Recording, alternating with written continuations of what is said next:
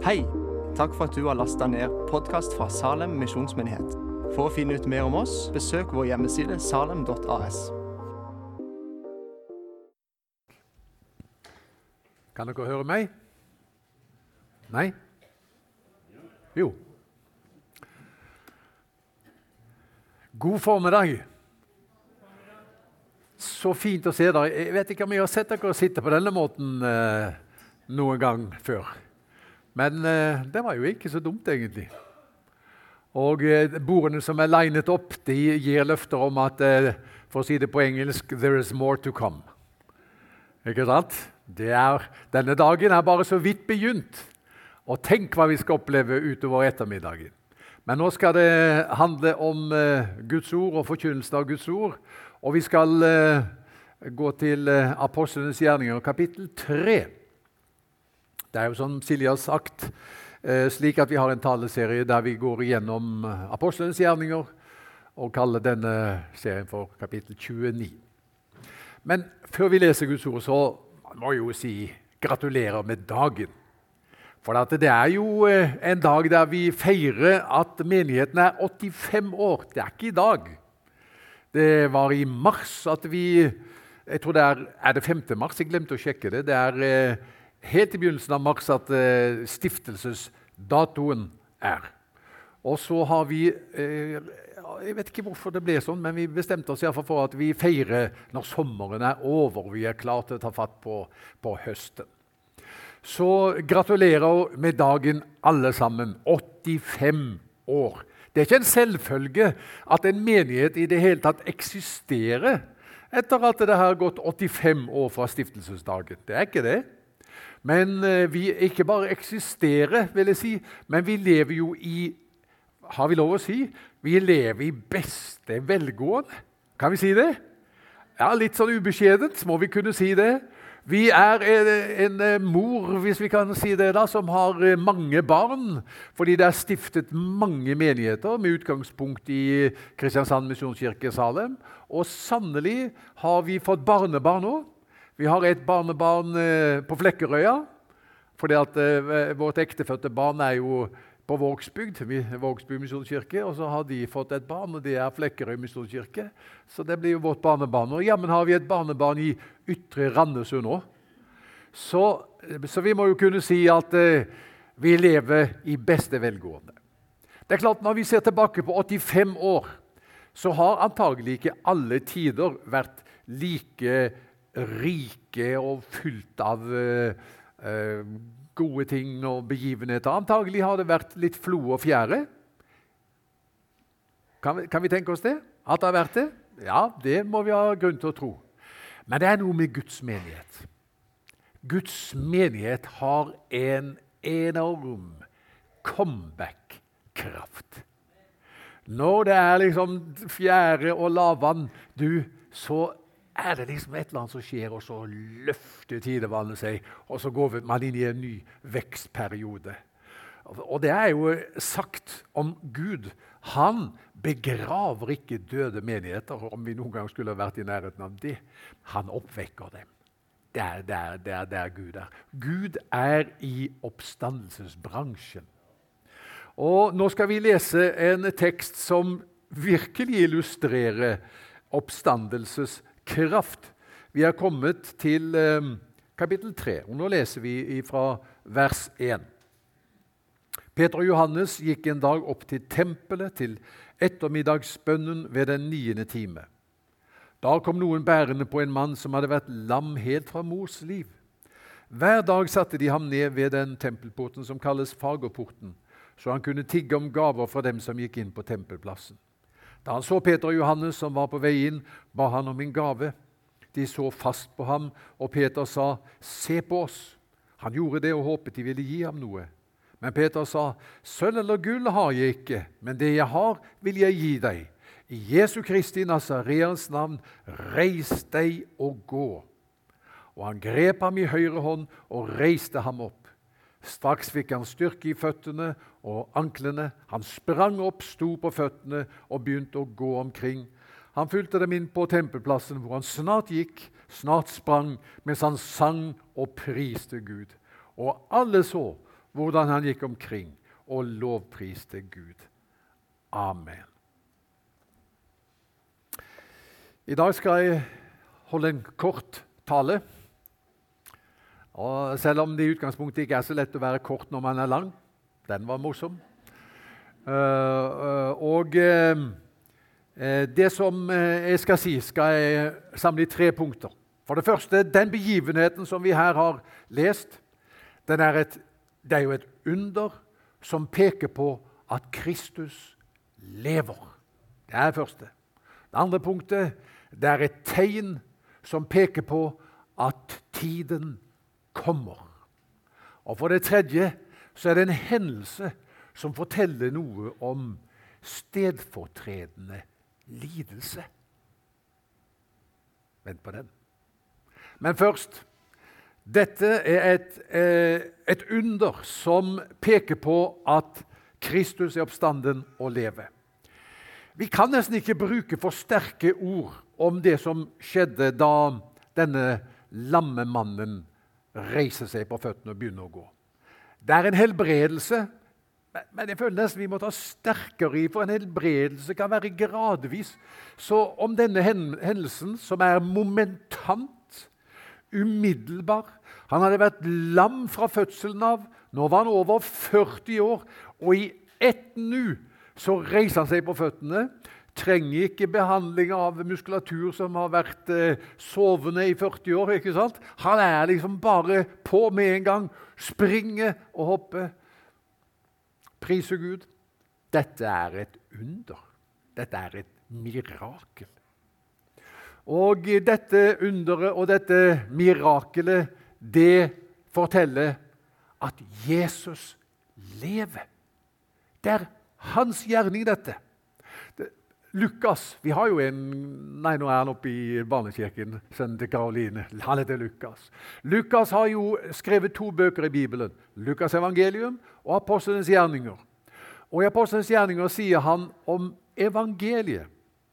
Han, sier, han skriver til en som heter Theofiles, så sier han den første bok skrev jeg om alt det som Jesus begynte med både å gjøre og å lære. Det står i Apostelens gjerninger 1.1. Det er interessant.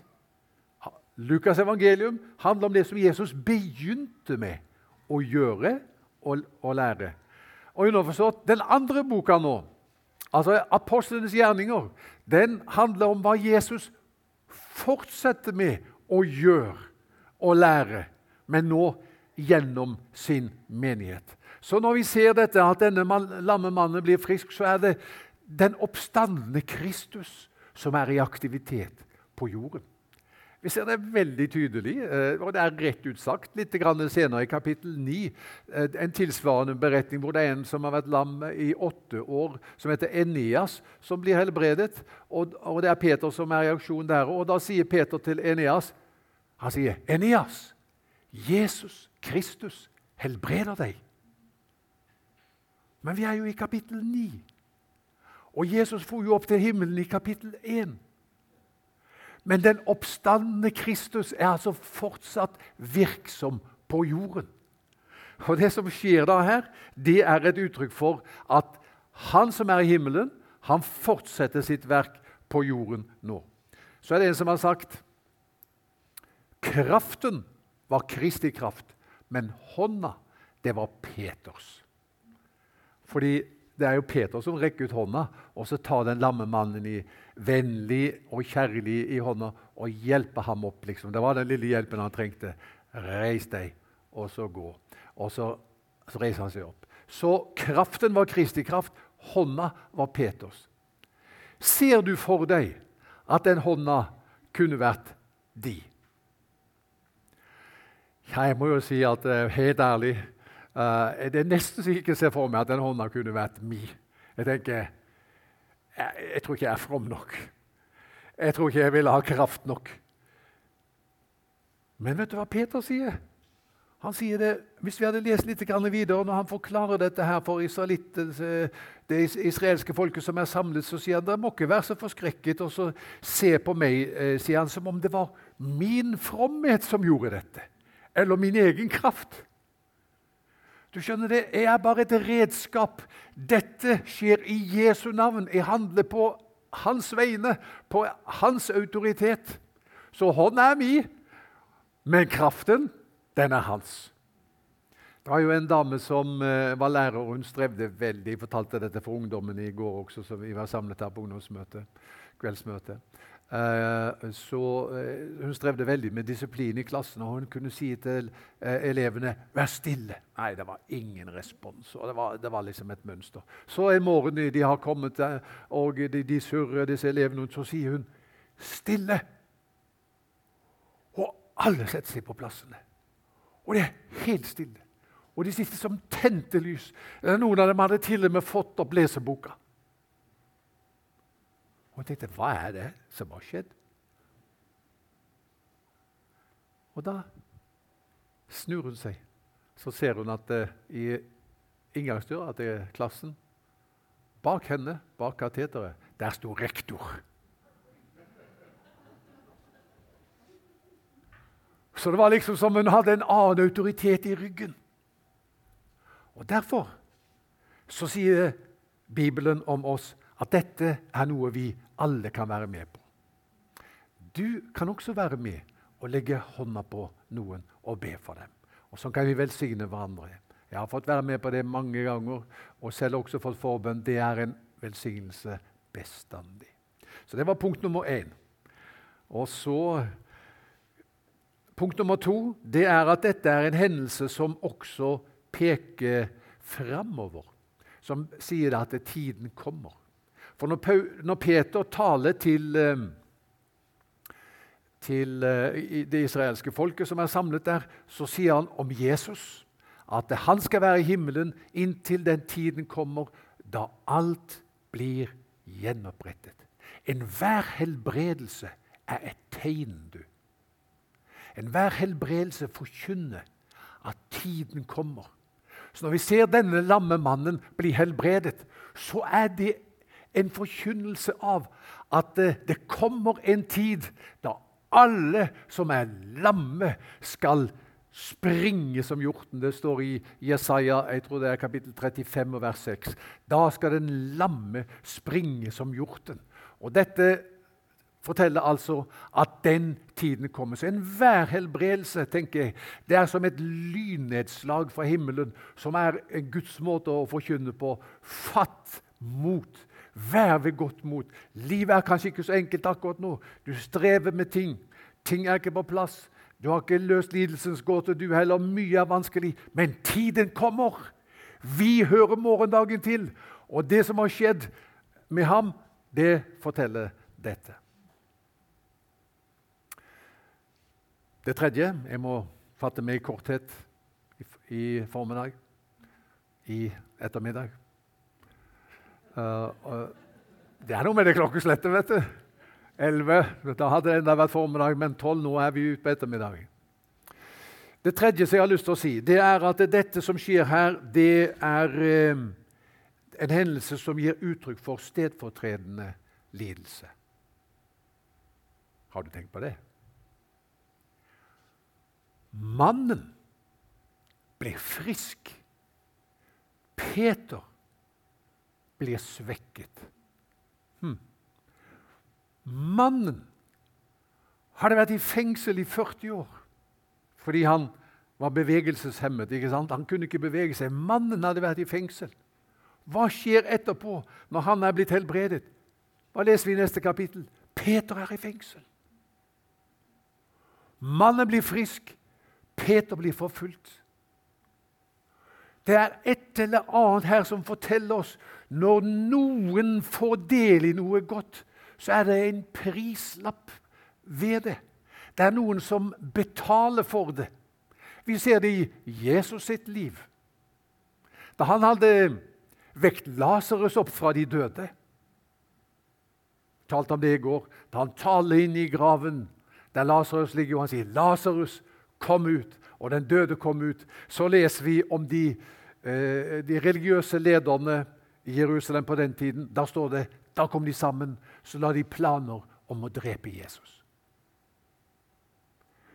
Det ble liv for Lasarus, men de la planer om å ta livet av Jesus. helse og legedom komme med en prislapp. Og det største av alle under, hva var det? Det var inkarnasjonen. Det var at Jesus At Gud ble menneske. Og det som skjedde når Gud ble menneske, det var at nå fikk Jesus en kropp man kunne ta livet av. Nå kunne, han, nå kunne man spikre nagler i hendene hans. Nå kunne man presse en torne nedover panna hans. Nå kunne han henges på et kors, for nå hadde han fått en kropp. Nå var han sårbar. Og så ser vi at profeten Jesaja sier, når han skal fortelle det som skjer på korset, så sier han øh, øh, følgende om Jesus. Men han ble såret for våre lovbrudd, knust for våre synder. Straffen lå på ham. Vi fikk fred. Ved hans sår ble vi helbredet. Ser du det? Så det som skjer også der ved denne tempelporten, når denne lamme mannen blir helbredet, og Peter havner i fengsel etterpå og opplever siden mer forfølgelse, og de, de um, lider for Jesu navns skyld Det er liksom et vitnesbyrd om det store dramaet som egentlig skjer da Jesus kommer til jord, hvor han dør. Tar på seg straffen for våre synder for at vi skal få tilgivelse og få liv. Skal vi takke ham for det? Takke ham for den stedfortredende lidelsen. Han ble såret. Vi fikk legedom. Vi fikk tilgivelse. La oss be. Herre, vi takker deg for at du gikk inn i vårt sted. Og vi takker deg for at du betalte prisen. Peter var villig til å betale prisen som det, liksom det var å gå i fengsel for å kunne stå i denne tjenesten. Du gikk enda dypere. Du steg så dypt ned som ingen vet. Så dypt ned som ingen kan ane. Men du steg så dypt ned at du kan løfte opp hver enkelt av oss. Også på din bekostning får vi liv. Vi priser deg for det. Takk for at du er her nå. Takk at du møter ditt folk, og takk at vi skal få feire denne dagen i vissheten om at du lever, og du har en uh, lysende framtid for oss. Før jeg går ned, så har jeg bare lyst til å si Vil det være godt for deg å få forbønn, så kan du rekke opp en hånd. Og Så skal vi be en kort bønn for deg nå, og så kan vi etterpå gå inn i eh, rommet eh, bak der, bønnerommet, og så kan vi ha bedre tid. Men vil det være godt for deg å få forbønn på denne jubileumsgudstjenesten? Jeg trenger at han rører ved meg. Skal vi be for deg nå? En kort bønn. Kan du rekke opp hånda? Gud velsigne deg. Gud velsigne deg. Er det noen flere? Ja, Gud velsigne dere. Gud velsigne dere. Gud velsigne deg. Gud velsigne deg. Enda noen?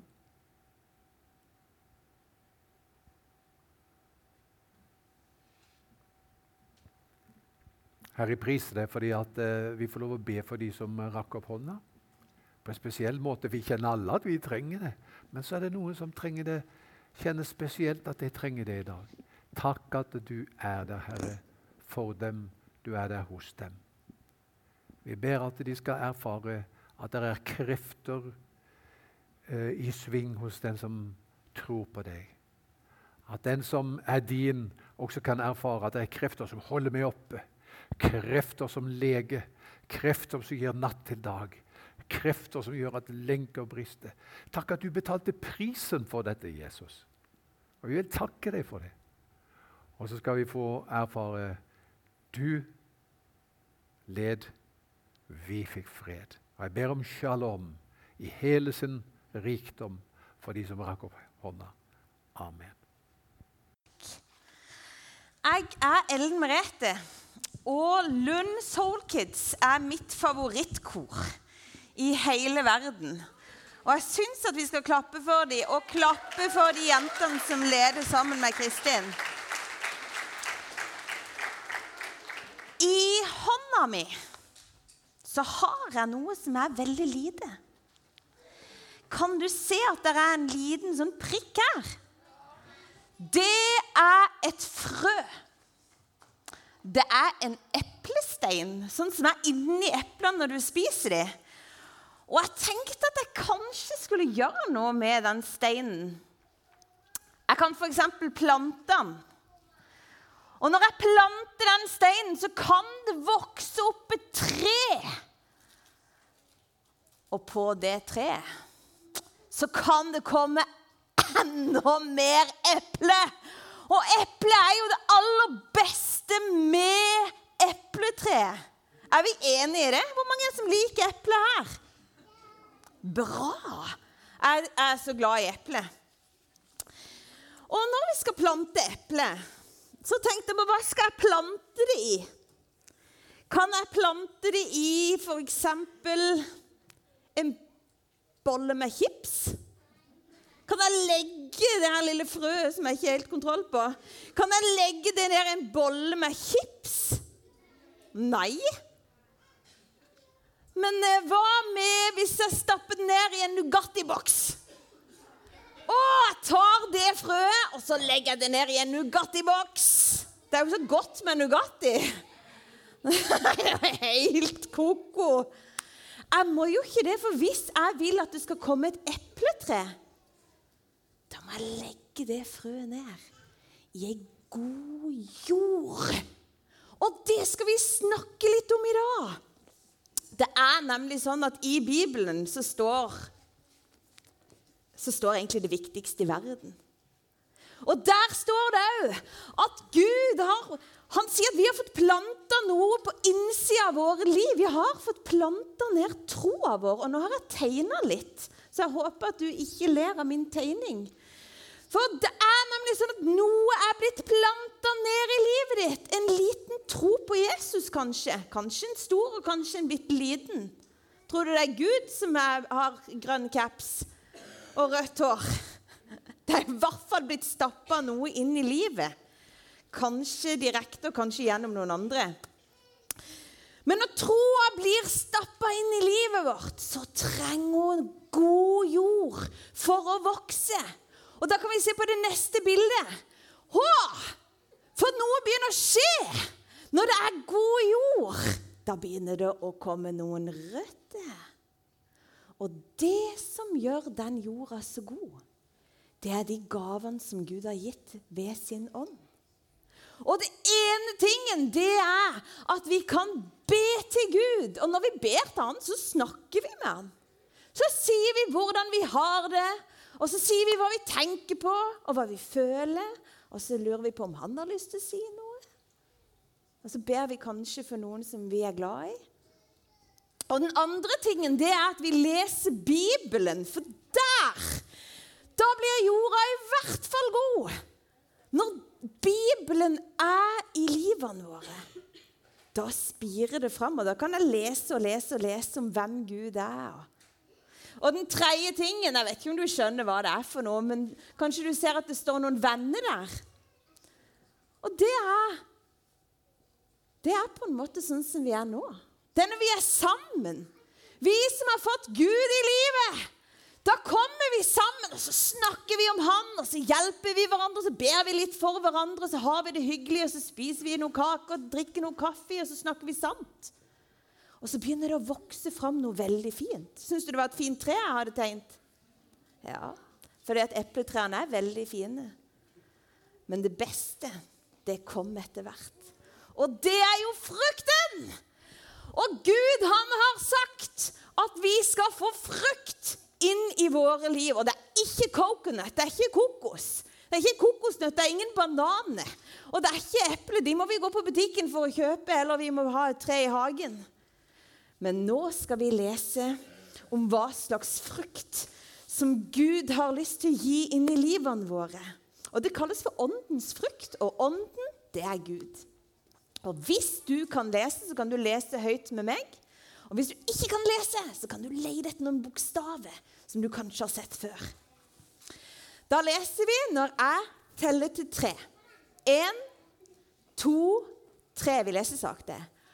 Åndens frukt er kjærlighet, glede, fred, overbærenhet, vennlighet, godhet, trofasthet, ydmykhet og selvbeherskelse. Det var jo kjempevanskelige ord på slutten. Men jeg skal ikke snakke om alle de vanskeligste ordene. Jeg skal snakke om en frukt i dag, og den frukten, det er kjærlighet. Jeg har funnet et fint bilde. Tenk å være et tre full av kjærlighet! Tenk om vi kan være som sånn kjærlighetstre. Og Jesus han har bedt oss om å ha kjærlighet i livene våre. Og kjærlighet, det er når vi tenker at noen er så verdifulle at vi vil gjøre godt med dem. At vi har lyst til å snakke godt om dem, og vi har lyst til å be for dem. Da har vi kjærlighet. Jeg har masse kjærlighet til min mamma.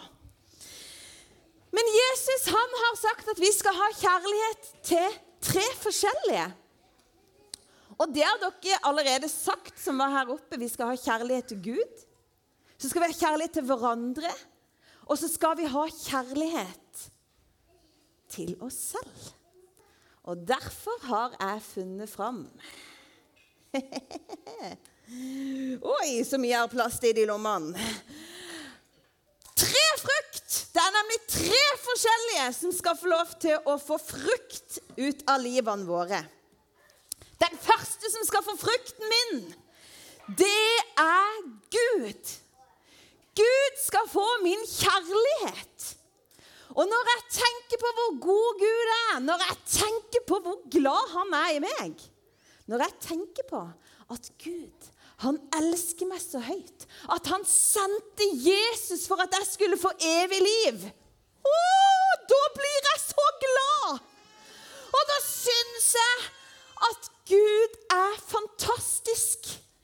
Og når jeg skjønner Ja, det er ikke alltid greit.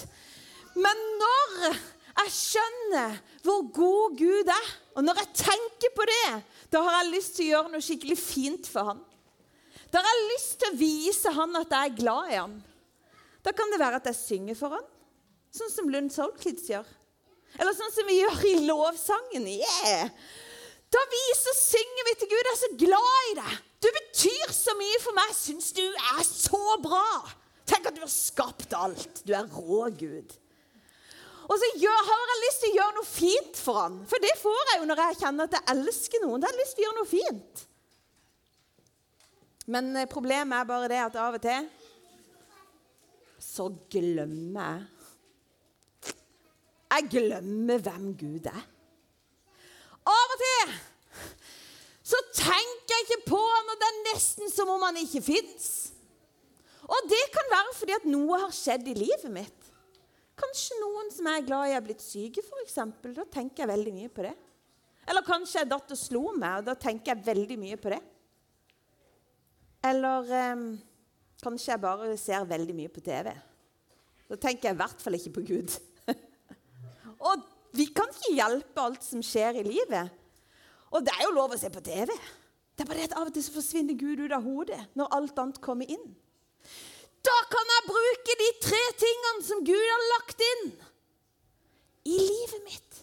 Da kan jeg be, så kan jeg si, 'Gud, nå må du vise meg på nytt hvem du er.' Kan du gjøre det sånn at jeg blir glad i deg på nytt? Jeg får det ikke til alene. Jeg klarer ikke pumpe opp masse kjærlighet til deg. Nei, jeg må ha hjelp fra Gud. Han må fylle meg med kjærlighet til seg sjøl. Det er godt at det er han som er Gud. Eller så kan jeg lese i Bibelen om hvor god han er.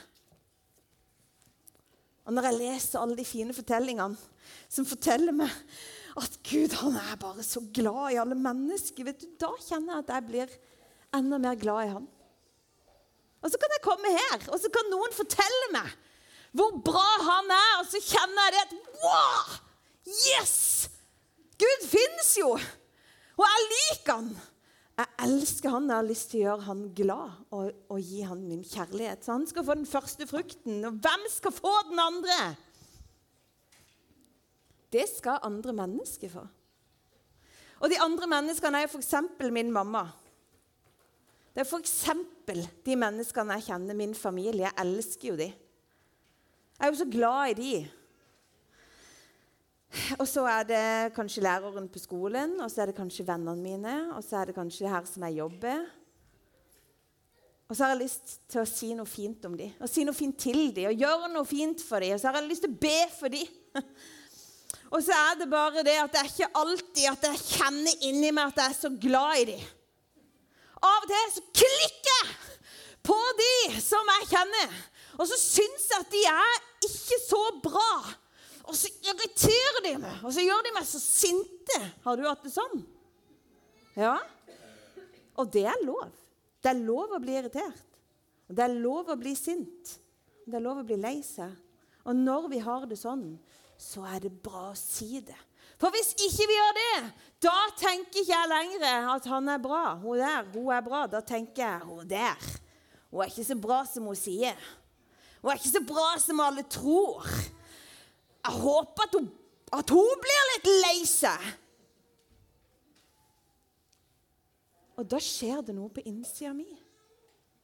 Og da trenger jeg å komme til Gud. Først så trenger jeg å si det høyt til noen som jeg kjenner, sånn at de kan hjelpe meg. Og så trenger jeg å si det til Gud. Gud, kan du gi meg en ny kjærlighet, sånn at jeg ser hvor bra hun egentlig er? Sånn at jeg får lyst til å si noe fint til henne. Og ikke være sint på henne. Og ikke være slem med henne heller. Og så kan jeg gå i Bibelen og så kan jeg høre hva Gud sier om henne. Og så, eh, så kan vi komme sammen, og så kan vi se hvor bra vi er. Og så er det bare det at Jesus har ikke bare sagt at vi skal elske de som vi kjenner. Han har sagt at vi skal elske de som vi ikke kjenner. Og nå kommer det opp et bilde som kanskje utfordrer deg. Det er mange bilder. Vi skal elske de som er fattige og som sulter i denne verden. Og så skal vi elske de som vi kanskje er kjempeuenige med så skal vi snakke på en OK måte om de. Og så skal vi gi de av det, på en måte det gode, de som ikke har noen ting, skal vi gi de av det beste vi har. Og de som vi er uenige med, de skal vi ikke snakke dårlig om. For de er mennesker som Gud elsker. Og de som tror på noe annet, de skal vi i hvert fall vise godhet, og så kan vi be for dem.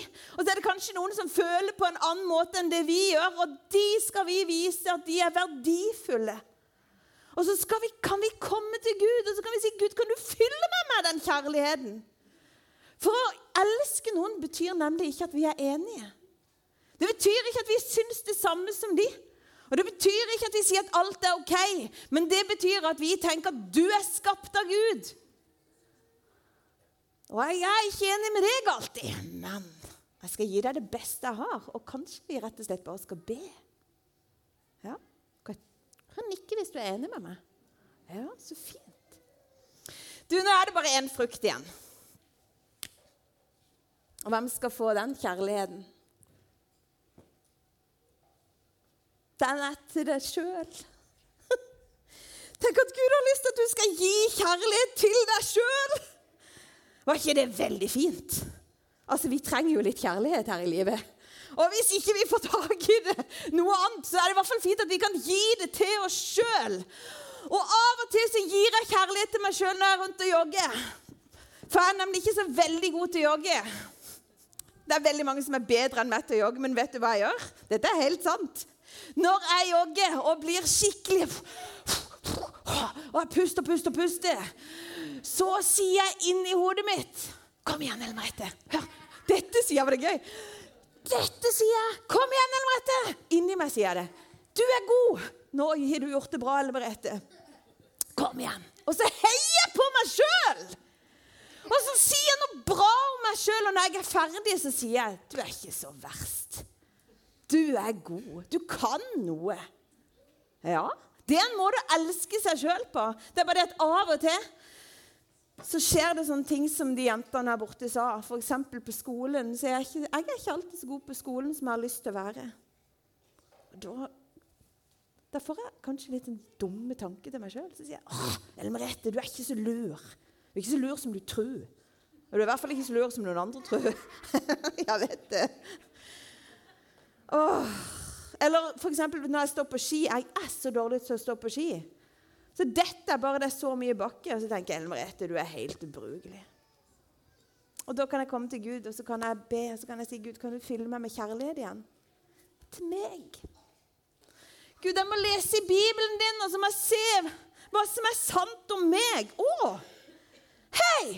Jeg er verdt å elske. Gud snakker bra om meg. Da skal jeg snakke bra om meg.